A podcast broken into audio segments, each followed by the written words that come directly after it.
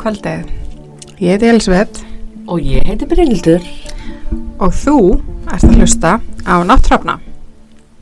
Hvað segirðu? Herðu, bara glimrandi. Það er svo sem ekki við neina kvarta. Búin að vera lasin, Ah, uh, orðin góð núna. Fór að ættamót og lögadaginn og var ekki alveg í þetta forminu.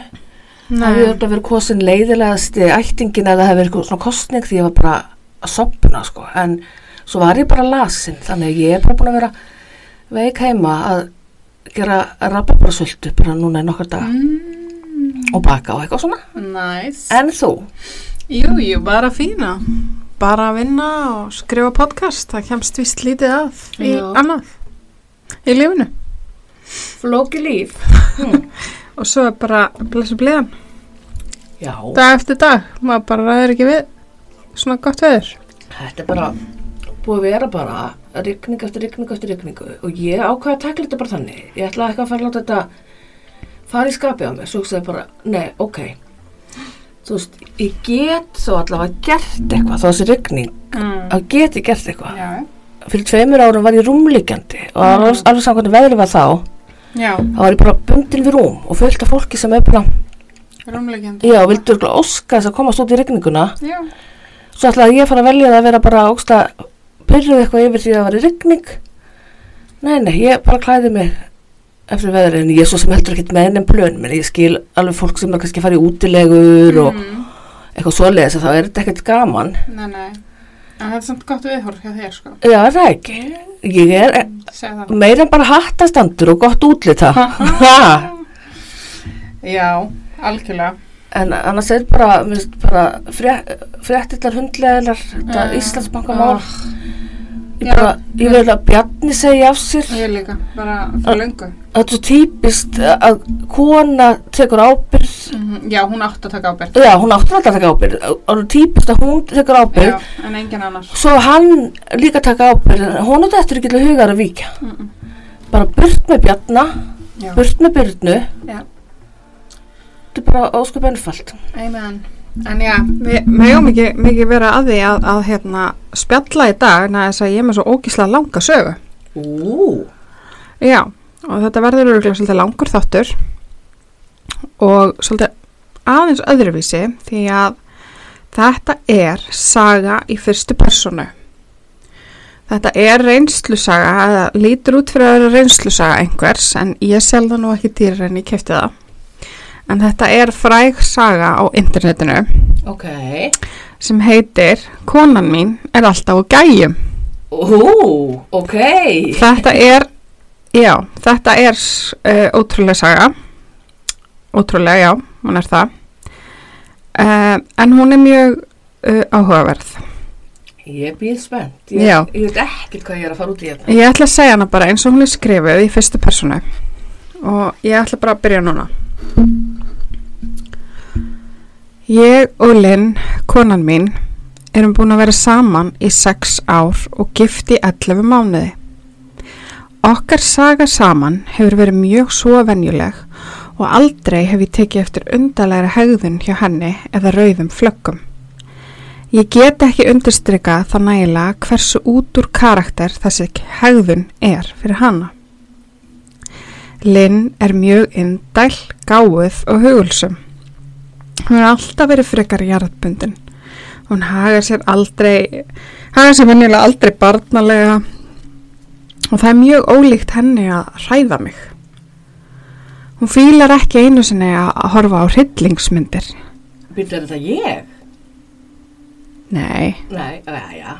Þegar við byrjum fyrst að deyta samþykti hún einu sinni að horfa á The Shining með mér því hún vissi hversu mikið ég elska hrylling. Kannski er þetta bara ég og þú. Hún var svo hrættið um myndina og hún gæti ekki eins og horta halva myndina áður en við þurftum að slakka á henni. Linn er auðmiki, tjók. Já, ég skrifa þetta. Hún er ekki fyrir neitt sem telst óhugnalegt og hefur aldrei verið neitt hrekkjalómur. Sorry, mér finnst Linn hljóma bara mjög boring, típa. Já, kannski. Já, þú ert nú alveg hrekkjalómur, sko. Já, ég get nú alveg þekkt öðru hvoru, sko, að kemur yfir mig, Já. reglulega. Já, ég bara, já, en allavega. Um, svoleiðis hegðunar bara ekki hennar persónuleiki og það er allt í lægi. En það er samt það sem er svo skrítið þetta allt. Þetta er svo ólíkt henni. Ég ætti einnig að bæta við þetta að hún hefur aldrei átt við neinn geðræn vandamál að stríða svo ég viti og það er heldur ekki eitthvað sem er í fjölskyldin hennar. Já, já, þá, þá dætt ég út að listinu. Ég veit að sumt fólk næri að fela geðræn vandamál sín en á síðustu sex árum held ég að ég hefði séð eitthvað sem gæfi vísbendingu um slíkt. Fyrir tveimur mánuðum var ég eldhúsinu að heita mig kaffi fyrir vinnuna. Ég var aðeins sett þennan morgun og ég vissi að ég myndi ekki ná að kaupa mér kaffi á Dunkin Donuts fyrir vinnuna. Sko, oi, kaffi á Dunkin Donuts er ok. Það var allavega hérna um árið þegar ég reyndi að drekka það í New York. Uh, ég tók sopa af kaffinu á meðan ég dreif mig að forstofinni þegar svo Linn gæjast fyrir hornið.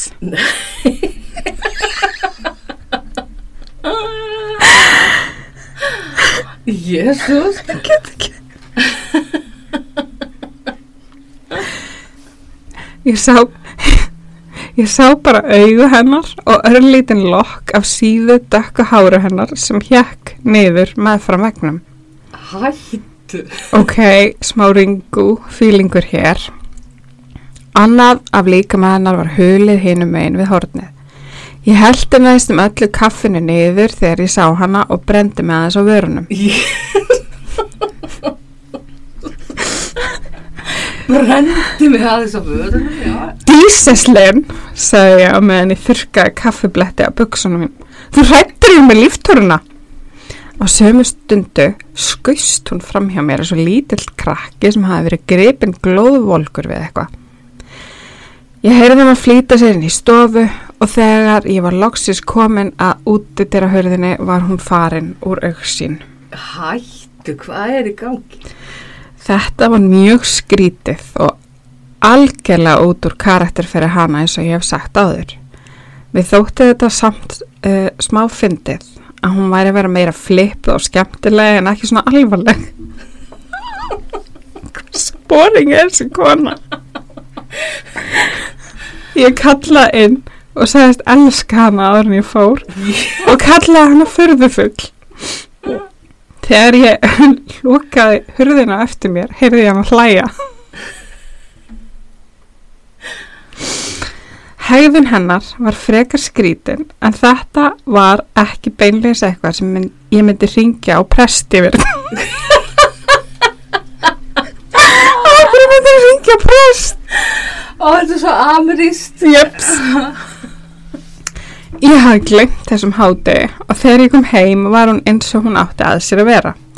Ég myndist ekki á þetta við hana og hún ekki heldur. Lífið gekk sinn vana gang.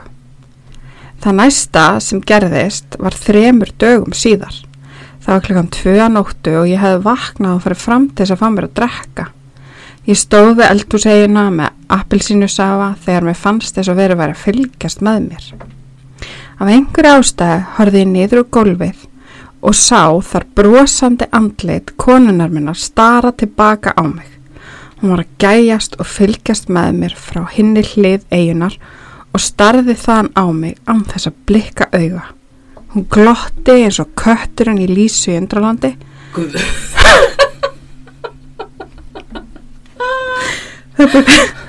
Þetta, þýðir að Linn, var greinlega á gólfinu að krjúpa með fram eiginni og stara á hann. Vá, hvað er í gangi? Þetta er svo ógæðsla friki, hegðun. Ég öskraði, ég viðkenni það, ekki vegna pyrrings, heldur vegna hræðslu. Af einhverju ástæði var ég hrættur og ég lái honum það ekki, þetta er frekar ógæðsla hegðun. Mm algjörlega. Við öskrið í mér hörfaði Linn tilbaka þar til ég sá hann ekki lengur. Ég heyrði í höndum hennar og fótum að meðan hún skreið á fjórum fótum út úr eldhúsinu. Ég fór ekki eftir henni og kallaði heldur ekki á hana. Ég stó bara frosinn í áfalli og veltaði fyrir mér hvort hún væri andsetin eða eitthvað. Já, einmitt, það fyrsta sem að algjörlega. fyrsta, þetta fyrsta sem mér dættir hug sko, algjörlega. Já, Ah, já, annað, já, sko. Það tók mig lengið tíma en ég vil viðurkenna að hafa mig í að fara upp en að lokum gerði ég það. Þegar ég fór inn í söpnherbyrgið okkar, lá Linn þar sofandi. Allavega þóttist hún sofa. Ég stóð þær í smá stund og horfi á andardrátt hennar til að fullvisa mig um að hún væri í alvöru sofandi. Ég hafði það á tilfinningunni að hún myndi stökka á mig um leið og ég færi upp í rúm. En hún gerði það ekki. Ég klifraði upp í rúm og hún bærið ekki á sér. Andardráttur hennar var rólegur og djúpur og ég fór einfallega að velta því fyrir mér hvort, haf, hvort mér hafi bara dreymt þetta allt saman. Næsta morgun beigði ég eftir að hún kæmi niður í kaffi og þegar ég hafi réttinu botla spurði ég hann út í atbyrði næturinnar. Hvað var eiginlega í gangi í nótt? Ég passaði með að spyrja hana á léttan hátt svo ég myndi ekki móðka hana að gera hana vandræðilega. Hún rökkaði bara brýrnar og virtist ekki vita hvað ég var að tala um. Þú varst að gæjum aftur að fylgjast með mér það hann af einu, sagði ég og bendi áttina þar sem hann hafiði krópið um nóttina. Hún fylgdi bendingum mínum og þegar hún leita aftur á mig sprakk hún úr hlátri. Hún hló svo mikið að ég gæti ekki annað en hlegi með henni. Þú hræði mig stundum, veistu það, sagði ég. Hún hló, laði frá sér botlan og tók utan um mig. Þú hræði mig alltaf, sagði hún. Þannig að við erum jöfn. Ok, ég veit ekki hvað er að gerast í þessu sambandi. Nei, þetta er mjög fríki sko samband. Um, við kvöttumst og fórum í vinnuna. Við kyrsluna gati ég ekki annað en hugsa hversu ógeðslega óhugnalegt það var, var að sjá hann að brosa til mín fyrir aftan eldhúsegina og hljóðin sem hendur hennar og fætur gáði frá sér þegar hún skreið í burtu. En ég reyndi að hugreista sjálfa mig með því að hugsa að hún hafi bara verið að reyna að vera fyndin. Að reyna að sína hryllings áhuga málinu mínu einhvern áhuga.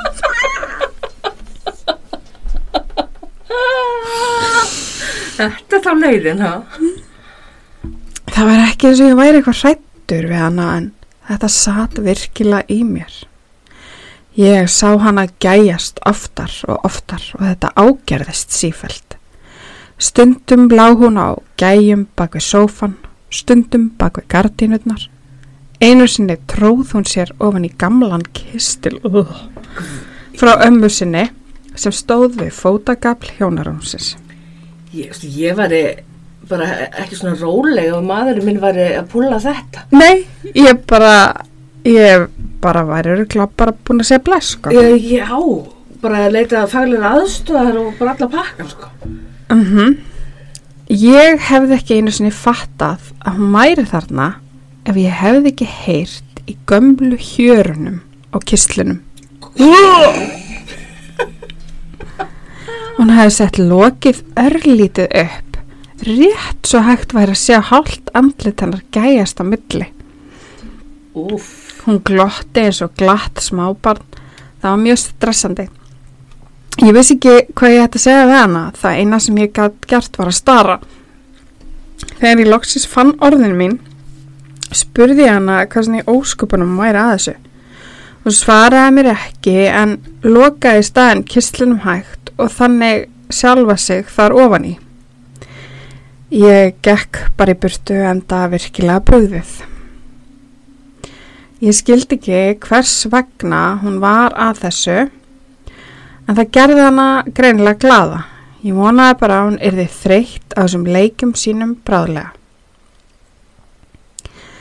Lynn gæðist ekki neitt næstu tvær vikunar. Ég voru að halda að hún væri hætt þessu og var því virkilega fegin. Við vorum að horfa á þátt á Netflix eitt kvöldi og í gríni saði ég við hana að ég hefði ekkert síðan á gæjum nýlega. Hún var ekki reynilega hætt þessu. Hún horfði brúsandi til mín og sagði kannski er ég bara orðin betri í þessu. oh.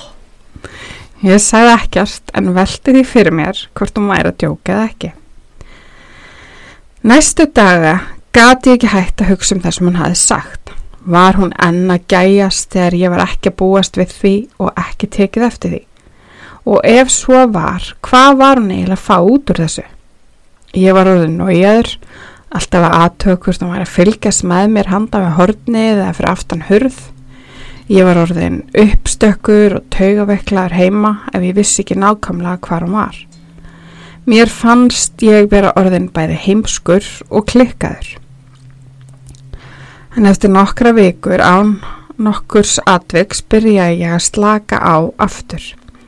Ég hætti að leita fyrir aftan húsgögn og veggi og sagði við sjálf með að þetta væri bara slæm minning. En eftir nokkra daga urðu hlutunir svo miklu verri. Ok. Linn fór til vinkonu sinnar og ég slakaði á heima og spilaði leiki í fartölfunni. Um klukkan nýju fór ég í styrtu og meðan ég var skóla úr hárun á mér fann ég þessa hræðilegu tilfinningu að einhver var að fylgjast með mér.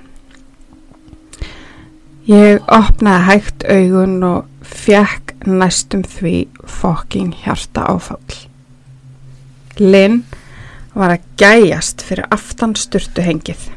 Ó, Allt höfuð hennar var inni í sturtunni en ekki aðri líkamspartar. Sýtt dökk hárið hjekk meðfram sturtuhenginu og vatn draup af endum þess. Munnur hennar var opinn í hræðilegu glotti, augun stór og rauðlikt hún hafa ekkert blikkað í smá tíma. Ok, Momo, nákvæmlega sem ég hugsaði. Ég öskraði og hörfaði aftur að vegnum. Hún hreyfiði sig ekki og brosið var frosið á vörum hennar. Farðin lag niður kinnar hennar í tveimur svörstum rákum. Hún leit út fyrir að vera bæði glöð og algjörlega vitstóla. Creepy. Ég var fokking skít hrættur. Við stóðum þarna um stund. Hvorugt okkar sagði orð. Eftir smá stund sem leið eins og heil eilífð færiði hún höfuðið hægt út úr styrtunni. Ég fyldist með óskýrum útlínum hennar í gegnum sturtuhengið að meðan hún færði sig aftur á bakað baðherbergistyrunum. Sekundu síðar var baðherbergishurðinni skellt nógu harkala til þess að speilin við baðvaskinn hristist. Ég öskraði aftur og hoppaði út úr sturtunni til þess að læsa hurðinni. Ég var inn á baðherbergi í meira en klukkutíma. Kanski finnst sumum ykkur ég hafa brúðist of harkarlega við. En hvort sem hún var að grínast eða ekki þá ætlaði ég ekki að umbyrra þessa klikkuðu hegðun lengur. Það var það sem ég sæði við sjálfa mig að meðan ég gekk fram og aftur um baðherbergiskólfið með nokkrum pásum til þess að hlusta eftir hljóðum frammi. Allt í einu heyrði ég kæft hljóð. Ég setti eira við hurðina til að heyra betur. Ég heyrði þá ekkert en ímyndaði mér að Linn stæði hinum einn við hurðina að hlæja að eigin fyndni. Ég fann reyðina að hellast yfir mig. Ég var meira lítið fúll yfir að finnast í hrættur á eigin heimili og látin fela mig inn á baðherbergi í klukkutíma og fyrir hvað, eitthvað brandara. Ef þetta var brandari þá var hann hræðilegur. Hvað er anskotanum Linn, hvesti ég. Þetta er að verða fokking pyrrandi. Ég beigð eftir afsökunarbeginni eða hún myndi kalla mig asna en í staðinn heyrði ég örlittla stunu. Svo lágara að ég velti því fyrir mér hvort þetta hafi í raun verið eitthvað og svo tók þögnin við. Linn, kallaði ég án þess að geta fali teitringin í röttinni. Ég fekk ekkert svar. Heyrði bara í mínum eigin þunga andardrætti. Ég sverða, bara fucking hættu þessu, gargaði ég að meðan ég kildi nefanum í hurðina. Ég beigð eftir að hann bölvaði mér, eitthvað sem ég gata alveg búist við frá henni fyrir að tala við hana á þennan máta. Ég hafði aldrei áður öskra á hana. En það kom ekkert svar. Það eina sem ég heyrði voru drópahljóð úr styrtuhausnum. Ég neyti því ekki að ég var hrættur. Of hrættur til að opna hurðina og horfa framann í konuna mína. Ég beigði í 30 mínútur í viðbútt sem er svo heil eilif þegar þú ert hrættur. Lóksins ákvað ég að ég ætlaði ekki að eða nóttinni í að fela mig inn á Bærbyrgi svo ég fór niður á hnján og leit undir hurðina. Ég bjóst við að sjá andlit hennar gæjast á móti en var þakklátur að svo var ekki. Ég sá niður allan gangin að steganum en þar var engin linn. Ég vissi ekki hvort ég ætti að vera ánað með það ekki. Ég leitaði nokkra mínútur og beigði eftir að sjá höfuð hennar skindilega efst í steganum en það gerðist ekki. Ég stóð upp hönd mín yfir hurðinni, hurðarhúninum og ég undirbjóð mig andlega fyrir að opna hana. Ég færði lásin hægt með teitrandi fingrum þegar ég var alveg að opna herði hljóð sem gerir sem læti mig enn vera flugur þegar ég hugsa um það. Ég heyrði stönu, mun herri en þá sem koma undan. Ég heyrði nákamlega hvað hann kom. Ég sneri höfðinu að skápa hörðinu í hægum hreyfingum og starði beint í augun á gættu hverri. Eiginkonu minni. Hún gæðist í gegnum litla rifu á skápnum. Vó, hvað er í gangi? Augu hennar voru gal opinn sem aldrei fyrr og munnurinn opinn í hryllilegasta brosi sem ég hef nokkuð tíma séð. Ég öskraði ekki einu sinni, ég var ofrættur fyrir það. Hendur hennar voru krosslaðar yfir bringuna og hún hristist að gleði og ánægilegt, hún gæti bara ekki að haldi aftur af öllum spenningnum í sér. Stutt rám stuna kom upp úr hálsunum á hanni, djúb og rá sem gaf mér því líkan hrollum allan líkamann. Einhvern veginn fekk ég getuna til þess að opna barbyrgið styrnar og hljóp eins hratt og ég gat niður allan stegan, greip liklana mína og síman á borði í stofunni og hljóp út í bíl. Ég heyrði geðs hræringar hlátur hennar fyrir aftan mig en heyrði hana ekki færa snær. Ég pældi ekki einu sinni í því að loka út eftir að hörðinni. Ég kerði í burt frá húsinu, mun hraðar en löglegt heldist. Ég titraði allan tíman, annarkvört af hræðslu eða kulda, mögulega vegna begja. Ég hafði ekki gefið mér ráðrum til að taka með mér jakka eða skó. Ég var enn á boksernærbúsunum með rægt hárið. Ég kerði beint heim til Chris bröðu mín sem býr í 40 mínuna fjarlægð. Hund saði öll skilabóð og símtöl sem ég fekk. Ég kikti ekkert á síma minn fyrir að ég hafði lagt fyrir utan hús bröðu míns. Linn hafði reynd að ringja fjórumsunum og sendt mér endalust að skilabóðum að velta fyrir sér hvers vegna ég hef bara rókið út og skilað hennar eftir síð svona. Ég hendi fram í símanum í reyðikasti og brjálaður út í þetta undarlega viðhorfennar. Bróði minn og konan hans voru mjög hissa að sjá mig, sérstaklega klættan í boksirnærbúsir einum fata og þau sögðu mér að dvelja hjá þeim eins lengi og ég þyrti. Chris lánaði mig född og spurði hvað hefði gerst. Ég sagði hennum að Lynn og ég hefum rifist en ég fór ekki út í neginn smáatriði. Ég vildi ekki að hann heldi að ég væri bregðast full harkala við einhverjum bröndurum og yfirgefa konuna mína vegna prakkarastæla hennar. Ég vel þótt þeir væru fyrðulegir. Ég meina, hafði ég ekki kvartana árum saman til þess að skemmta sem meira og mér er ekki svona alvarlega alltaf. Ég vildi að hún myndi slaka meira á en þetta var alveg pottit ekki það sem ég hafði huga. Ég reyndi að sopna á sófanum þeirra en hugsanirna leði mér ekki að sopna. Alltaf þegar ég lokaði augunum sá ég andlit Linn fyrir mér stara á mig inn í skápnum. Vitandi að hún hafi verið inn á baðherbergi með mér allan tíman, gaf mér hroll og vakti hjá mér viðbjóð. Hún hafi aldrei yfirgefið baðherbergið. Í staðin hafði hún smóið sér inn í skápin og skellt baðherbyrgistyrunum til að villa um fyrir mér. Tilöksunin um að fara heim vakti hjá mér kvíða. Ég velti mér um andvaka Kriska mér sveppilegu svo ég gæti kvilt með aðeins. Sveppn minn var uppfullur hræðilegum draumum af brosandi andliti linn. Ég vaknaði í sólaruppbrás og líka með minn var allir auðmur eftir nótt á sófanum og ég var úrvenda. Ég vissi að ég þurfti að ringi linn á einhverjum tímapunkti en vissi ekki hvað ég ætlaði að segja við hana. Ég myndi ekki fara heim nema hún lofaði að hætta að gera þessa óhugnalegu hluti. Ég vildi bara konuna mína aftur. Venjulega og alvarlega konan mín hafi aldrei verið jafn aðlaðandi fyrir mér.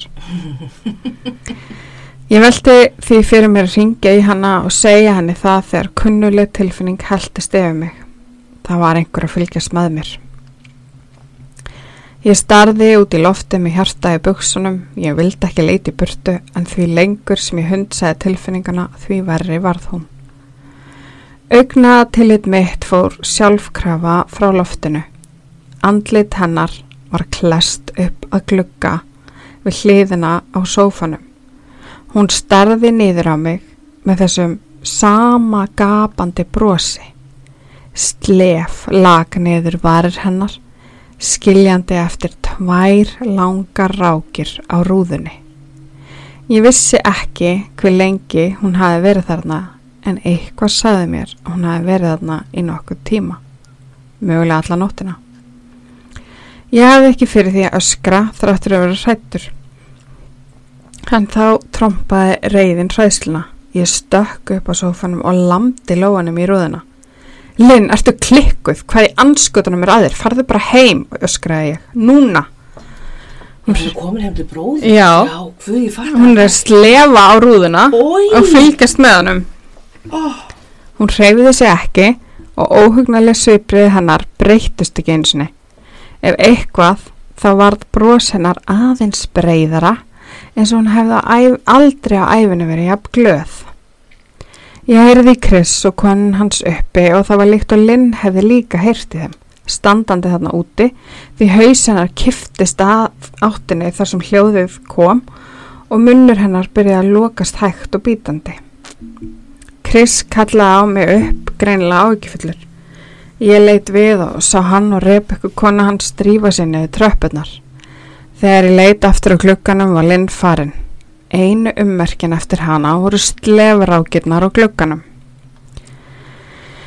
Ég reyndi að útskýra fyrir Chris og Rebekku að ég hefði vaknað við að sjá Lynn horfa á mig gegnum gluggan þeirra.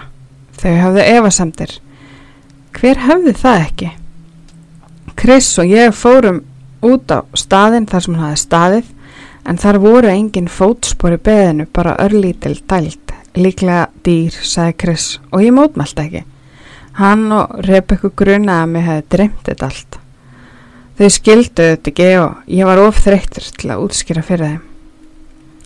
Ég ringdi með einn veikan í vinnuna þennan dag og slökti á símanum mínum. Ég vildi ekki horfast í augvillinn. Bara að tala við hana var of mikið fyrir mig á þessum tímapunkti. Ég var farin að halda að það væri eitthvað mjög mikið að henni. Sama hvað lofvorð hún gæfi, við erum aldrei söm aftur.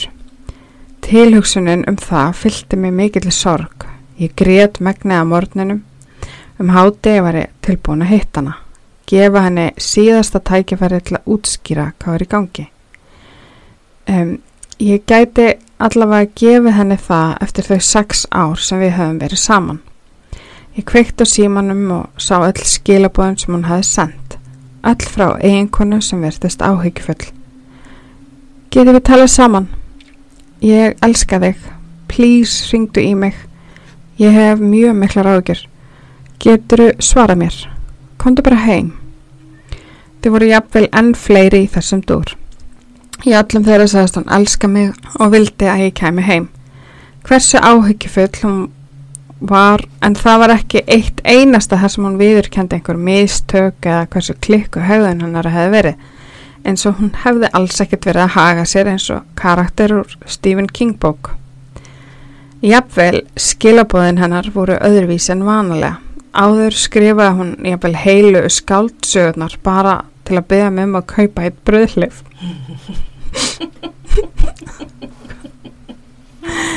Þú myndir halda að hún hefði meira að segja hefði meira að segja við mig eftir þessa undarlega höfðun.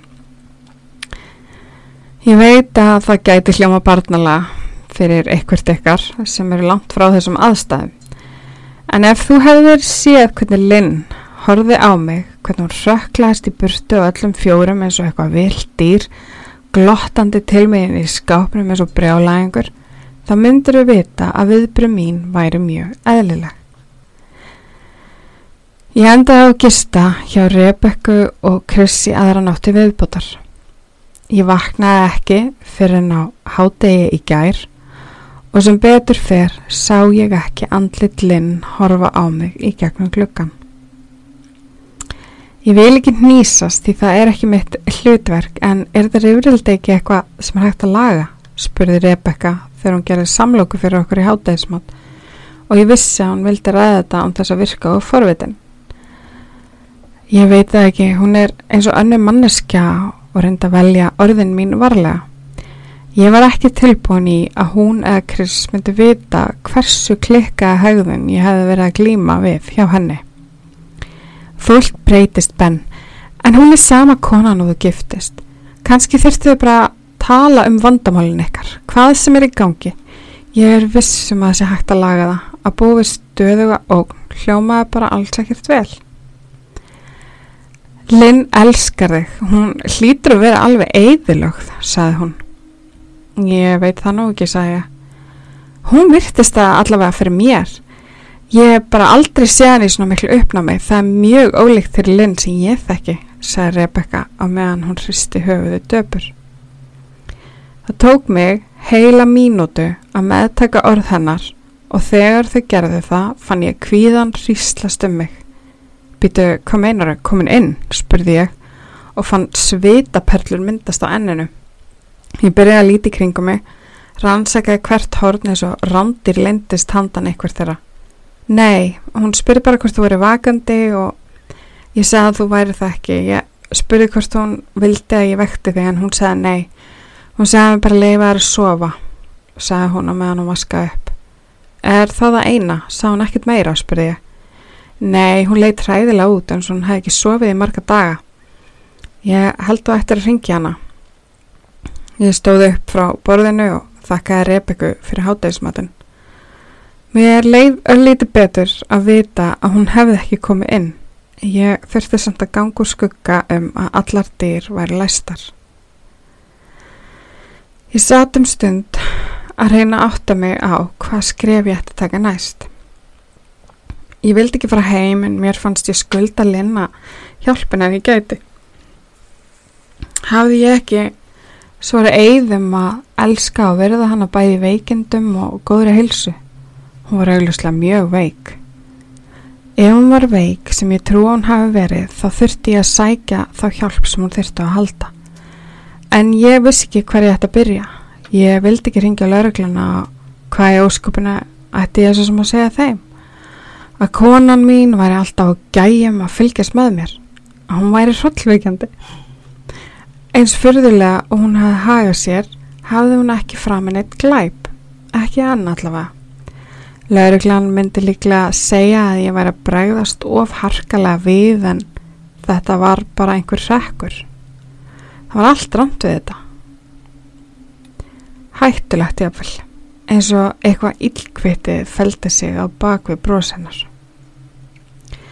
Sem eigimæður hennar vissi ég að það var minn réttur að láta leggja hana inn. Ok, sko, what the fuck. Já, vá. Nei, það, um, Það ég, er réttur, nei, nei, það, stöldur við við. Hold nú upp, sko. Ég held að það sé ekki svoleiðis hér, hér á landi. Nei.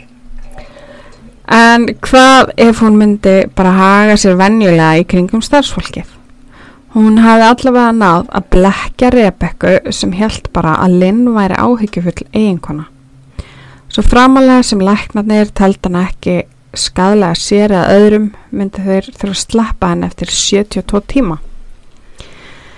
Ég var alveg týndur og bugaður. Svo gerði ég það sem hvaða eigimaður í minni stöðu myndi gera. Og hvað er það? Hvað, held, hvað heldur þú? Hvað Svo ég bara... settu þau í, í svona eigin mannspor? Spor, uh, Þú eru ímyndaður og sett með, með dildó í, í nærbusunum? ég myndi að segja hætt, cut the crap og hætti þessu ruggli. Nei. Nei. Ég hringdi í mömmunar.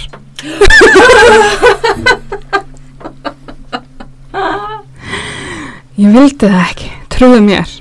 Mamma hennar, Marianne og ég höfum aldrei átt skap saman. En við höfum þó aldrei rifist eða neitt. Hún var bara ekki mjög hlý manneska og hún var ekki auðveld í samskiptum. Hún brosti varla og þegar hún gerði það færðust varir hennar aðeins örlítið upp og það náði aldrei til augnana. Hún gaf frá sér ströyma sem gáði til kynna að hún væri stöðugt móðguð. Ég hafði aðeins hitt hana tvísvar og í bæði skiptin voru það stuttar heimsornir. Ég fekk það á tilfinninguna að hún teldi mig ekki nógu góðan fyrir dóttu sína. Linn dreif okkur alltaf út mjög fljótlega því hún vildi ekki að mér liða óþægilega og ég var mjög þakkláttur fyrir það. En stopp. Veist, þau eru gift í sex ár og konan í samskiptinu við móðu sína Mhm, Já, en samt ekki. já, Þetta er mjög skauði. já. Og sagan heldur áfram. Nærvera hennar var næstum óbærileg eins og að tipla á gleri. Ég var fegin þegar við fluttum þremur fylgjum frá henni svo við þyrftum ekki að hitta hana oftar. Ég var mjög sáttur við að forðast hana alveg en nú þurfti ég að hjálpa hennar að halda. Mér langaði alls ekki að ringi hana en ég varði að tala við einhvern og einhvern sem þekkti Linni vel betur en ég. Ég sapnaði kjarki og gerði það sem ég þurfti að gera. Já, svaraði hún perrið. Marian, þetta ekki er Ben áttu smá stund til að spjalla. Ég heyrði hann að smetla tungunni í pyrringi. Ég er á fulla að skrifa ávísanir. en ef þú endilega vilt þá get ég spjalla í smá stund. Hvað var það sem þú vildir ræða, Benjamin? spurði hún kaldranlega. Það er varðandi Linn, hún er hagað sér mjög undarlega og ég var að velta í fyrir mér hvort það væri eitthvað. En ég var tröflaður skyndilega. Það er mjög erfitt að skilja rausið í þér, Benjamin. Hvað sem þú vilt frá mér? Hvað er það sem þú vilt frá mér? spurði hún. Ég gæti síðan að fyrir mér standandi að slá nöglunum óþulum og í borðið. Ég vildi vita hvort þú hefur einhvern tíma tekið eftir undarlegri hegðun eða einhvers konar geðhilsu vandamáli. Það var löng og þægileg pása og ég vissi ekki hvort það væri vegna þess að hún var að hugsa eða vegna einhvers annars. Eftir nokkra sekundu sagði hann Ég er ekki viss um hvort þetta sé einna brendurunum þínum, Benjamin. En ef svo er, þá hef ég engan hómor fyrir honum. Ég hef erundum að sinna eins og ég hef sett við þig og ef þið væri sama. En ég stoppaði hana aftur áður en hún gætt skellt á mig. Marian, þetta er ekki brandari. Ég hef virkilegar áhyggjur af geðhilsu Linn. Hegðun hennar hefur mjög einkennileg upp á síðkasti. Ég hef miklar áhyggjur af henni. Og ég held kannski að þú myndir líka hafa áhyggjur sem móðir hennar. En ég gat ekki falið hversu frustreraður ég var. Ef þú hefur í raun áhyggjur, legg ég til að þú tali við fagfólk. Ég veit ekki alveg við hverju þú býst að mér, hreitt hún í mig. Ég var handvissum að hún myndi skella á mig en af einhverju ástæði var ég nógu úrræðilaus til þess að leifa henni það. Ég hafði þá tilfinningunni að hún vissi meira en hún þóttist að gera. Gerði það, ef ekki fyrir mig, gerði það þá fyrir lins reyndi ég. Ég heyrði hana bara draga inn andan rólega eins og var að reyna að halda sannsum án árangurs.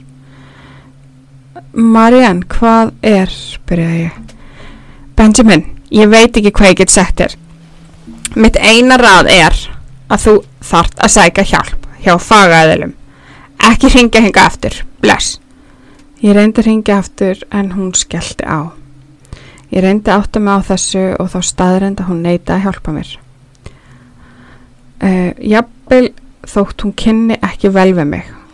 Hvers vegna vildi hún ekki hjálpa sinni eigin dóttur? Ég gata ekki skilið það. Ég reyndi að spila samtalið aftur í höfðun á mér, örvendingafullur að reyna að átta mig á einhverju sem ég hefði mist af. Eftir einhver tíma gafst ég upp þar til ég myndi síðustu orð hennar til mín. Leita hjálpar hjá fagaðilum. Hún hafði sagt þau orð nokkuð ákveð. Ég gæti hafa verið að grípa í einhver halmstrá en nei, ég var vissum að röddinn hennar hefði breyst um leið og hún sagði þau orð. Líkt að það væri mjög mikilvægt. Hvað myndi hún? Ég gerði ráð fyrir að hún væri að tala um læknishjálp en kannski var hún að meina eitthvað annað. eitthvað sem henni leiði ekki vel með að segja berum orðum eða var ég bara svona örvendingafullur. Ég beigði eftir að Chris kemi heim og eftir langt samtal við hann og Rebecca sannfærði ég þau um að Lynn þyrst á geðrætni aðstóð að halda. Ég sagði þeim ekki allt. Ég var ekki undir það búin að segja þeim frá öllu strax en ég sagði þeim frá því síðasta. Hvernig hún faldi sig en á baðherbyrgi kíkjandi á mig en á skápnum. Þau voru slegin sem bet, og sem betur fyrir trúðu þau mér. Þau vildi líka bara hjálpa henni. Þeim fannst þetta samt sem áður ekki það alvarlegt. Þurðulegt kannski en ekki hættulegt. Þau sögðu sífælt að Lynn hliti að vera að djóka í mér á undalan hátt. Kannski fyrir YouTube veldi Rebecca fyrir sér í hálfkæringi. Chris fannst við ekki eiga að tala við laurugluna strax. Hann bauðst þess að fara með mér heim og ég samþýtti það. Hann sagði að það hliti að vera hægt að tala rólega við hana og fá hana þannig á sitt banda. Það væri besta leiðin. Ég samþýtti það. Ég færi allavega ekki einn inn í húsið. Við kerðum þann morgun eftir morgumat. Það var ekki sjans að ég færi að kvölda til. Þegar við lögðum í ennkjöslinni byrja ulgan í maganum. Bílinn hannar var ekki á staðnum en ég var með allar varnir uppi. Útidýra hurðin var örlítið opinn og í smá stund held ég að ég sæi augu kíkja ykkurnu rifin á hurðinni. Ég nötraði og byrjaði að svitna. Chris var bara góður, hann beigði eftir að ég opnaði hurðina með hendur í vössum eins og hann væri bara að fara í göngutúri almenningskarðið eða eitthvað.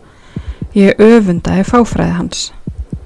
Ég opnaði hurðina og fann skindilega fníka einhverju rótnu. Chris fann líkt hana líka. Hann gekk fasta eftir mér inn í húsið þefandi upp í loftið. Hvað er óskupunum notið þið þess að þó gólfin hérna, spurði Chris. Þegiði, sagði ég og augum mín fór strax að leita einhverjum ummerkjum um linn. Húsið var þögult og dimt þráttur að klukkan var í tíu að mótni. Dreyji var fyrir alla glukka og ekki einn sólargesli komst inn. Ef ég hef ekki verið aðeins tvo dagi burtu þá hefði ég haldið að húsi væri yfirgefið. Við fórum í gegnum hvert einasta herbyrgi og aðhuguðum varferðnislega alla þá staði sem Linn geta að falið sá. Reklulega kölluðum við á hana. Akkur í anskötunum ert að leita undir sófanum, spurði Chris. Erum við ekki að leita koninu þinni? Hann horfði á mig þess að ég væri fábjáni. Förum upp, kvíslaði ég. Hann hristi höfuðið en eldi mig upp stegan til þess að leita á baðherbyrginu þar og í auka söpnherbyrginu. Að leiðinu upp stegja okkar sem ég fann brotna undir skónum mínum. Þetta voru glerbrot sem virtist frá víð og dreifum þrepin í steganum. Tók eftir að brúðköpsmynd, einn brúðköpsmynd okkar linn sem hafði hangið á vegnum hjá stegapallinu var brotin. Rammin var skakkur á vegnum og gleri farið. Ég starði á myndina og kökkur myndaðist í halsunum á mér. Við höfum látið taka myndina rétt eftir að við yfirgáum kirkuna þar sem við fórum með heitin okkar. Hún var svo falleg í hvita kjólnum. Ég horfið á fallett andlet hennar. Mér hafði aldrei óra fyrir því að það myndi vekja upp svona mikinn óta hjá mér. Ég sé bara Momo fyrir mér. Já. Já, allan tíma. Líka blókusmyndin. Við fórum alla leið upp og leituðum í gestaherbyrginu en það virtist alveg ósnert. Ég hyggaði við að fara inn á baðherbyrgið. Ég rættist allt það sem hafi gerst það kvöld. Chris tók eftir því og bauðst þess að fara sjálfur inn en ég gati ekki láta hann gera það svo við gengum inn saman. Við leitum bæði í skápnum og inn í styrtunni en baðherbyrgi leit ekki út fyrir að hafa verið nota síðan kvöldi sem ég fór. Ég held að hún sé ekki þarna, Ben. Akkur pakkar ekki niður smá fötum og við reynum að koma aftur á morgun eða eitthvað, sann. Ég kingaði kolli og tróð fötum í íþróttutösku. Þegar ég kíkt inn í fataskapin okkar fann ég loksins hvaðan vondaliktin kom og kúaðist. Oh, Chris kíkti í örlittla stund og allur litur í andliti hans kvarf. Hann þurfti að fara og standa við stegan til að komast í burtu frá lyktinni sem hann sá. Ég starði í áfalli á það sem láin í skápnum. Á blöytri móttu í skápnum lágu að minnstakosti tólf augu Ha? sem hafi verið vandlega raðað í Bara mannsaugu? bara augu. Já. Sum voru á starð við tíkall en önnur voru varla stærri en marmarakúla. Ég starði á augun sem hún hafi greinilega sapnað frá litlum dýrum Ó, og velti ég fyrir mér hvernig hún hafi sankaði með sér og tilhugsunin fylgdi mig viðbjöði. Og ég sem ég höldi hefði það slæmt með Rebekku og hennar skófík en anskutin hafi það konan þín er að sapna augum sagði Chris á meðan hann kúest. ég bílast. Ben, ég held við ættum að fara kallaði hann að ganginum frammi. Mér er mjög flögurt. Ok, segi ég og kifti með mér töskunni og lokaði hurðinni á nýfundna martruðu mína. Ég gekk fram og dró andandjúft. Við hans lofti bræðast eins og rótnun og ég kúaðist. Hver í anskata ráðar augum minn í skápnum sínum, spurði Chris.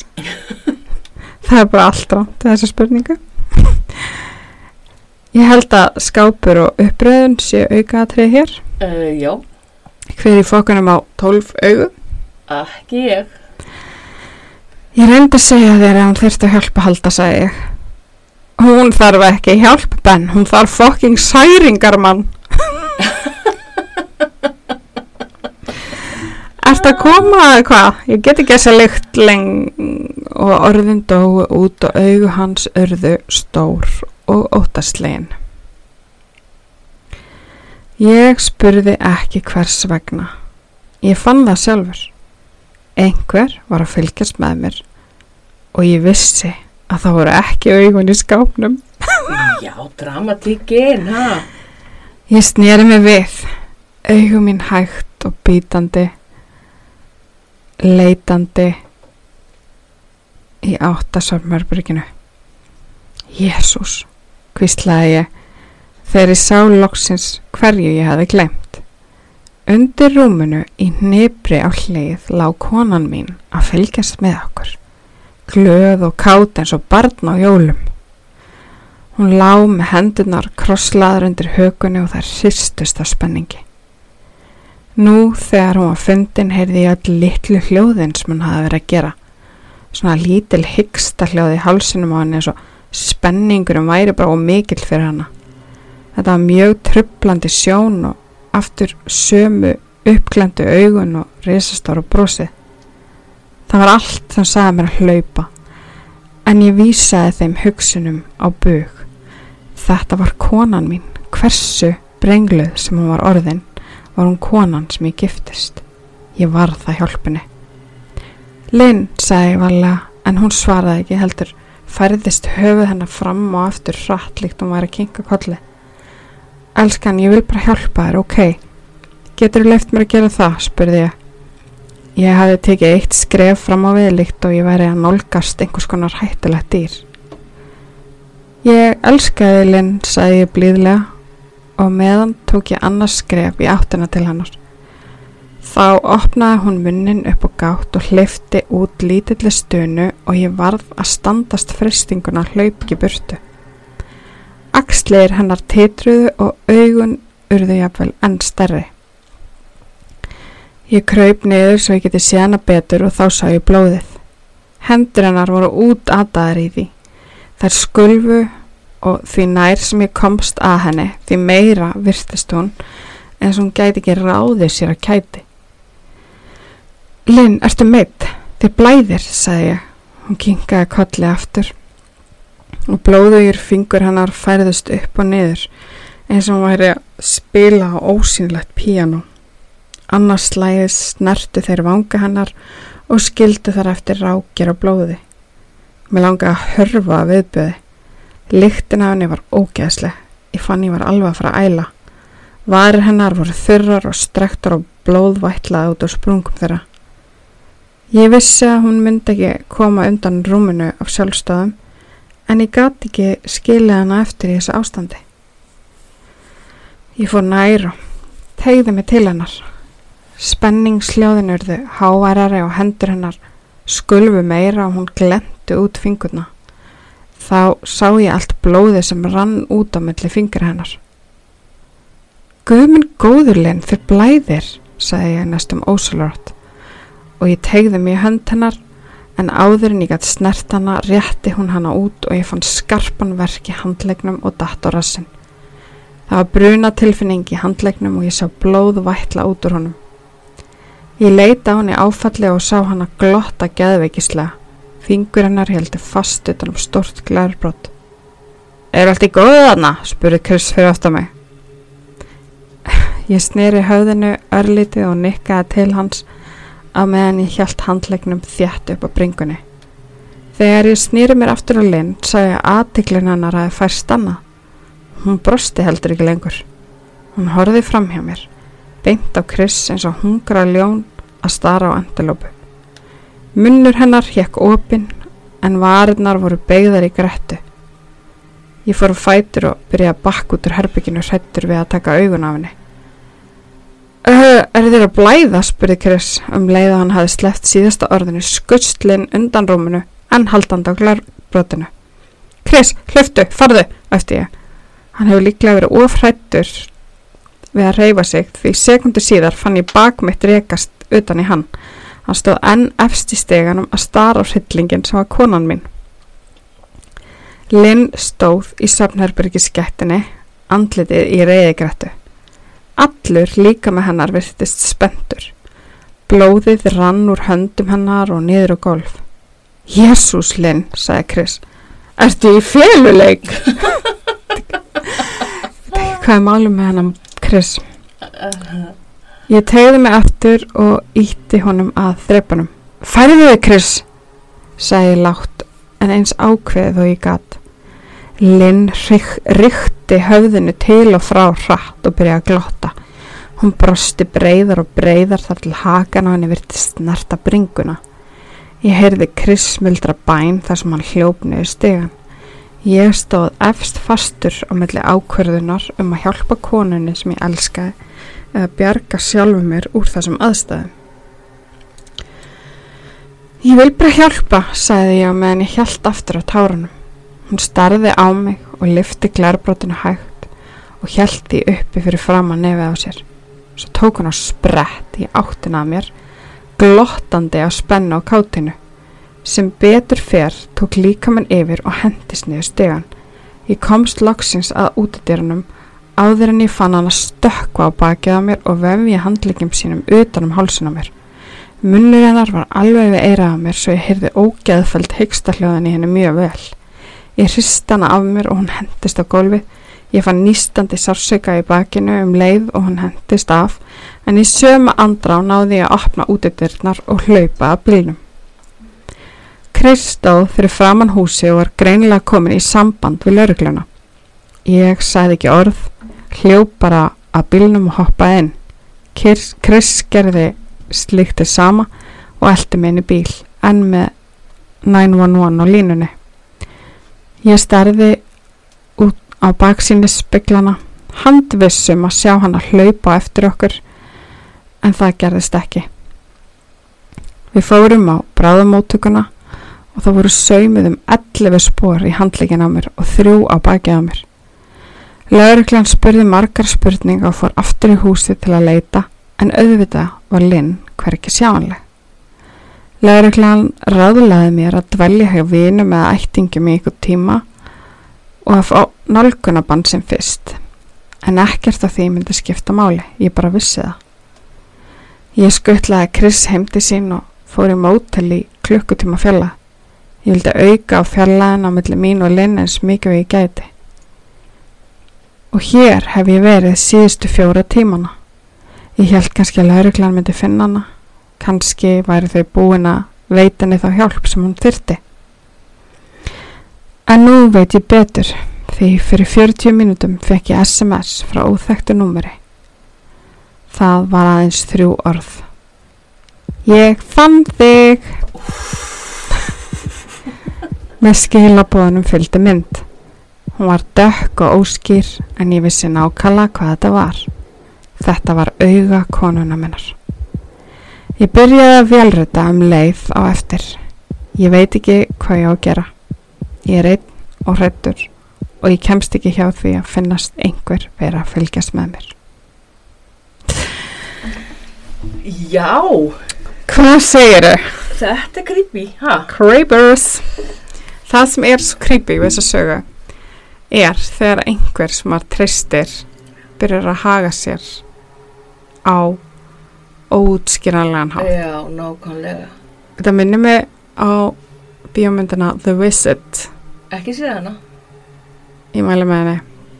Fjallar um börn sem að fara í heimsum til ömmusunar og afa Ah, og amman og afinn byrja að haga sér mjög skringilega. ok, hljómar áhugavert. Mjög creepy mynd. En já, svona var saga dagsins. Já, þetta var mjög hressandi. Já. Ég bara byrði ykkur vel að lifa og, og ekki, ekki liggja gæjum. Já, forðist í gæjur. En ég hérna verður við ekki með þetta bæði ótrúlega creepy saga en alveg ógeðslega fyndi. Já. Já. Hún næri ekkert neginn að vera bæði. Já, Það er ekki hverjum degi sem, Nei. sem að maður fær slíkt. virkilega reglulega áhugavert. En við segjum bara góða nótt. Já, góða nótt og, og dreym ykkur fallega. Já. Bye bye. Bye.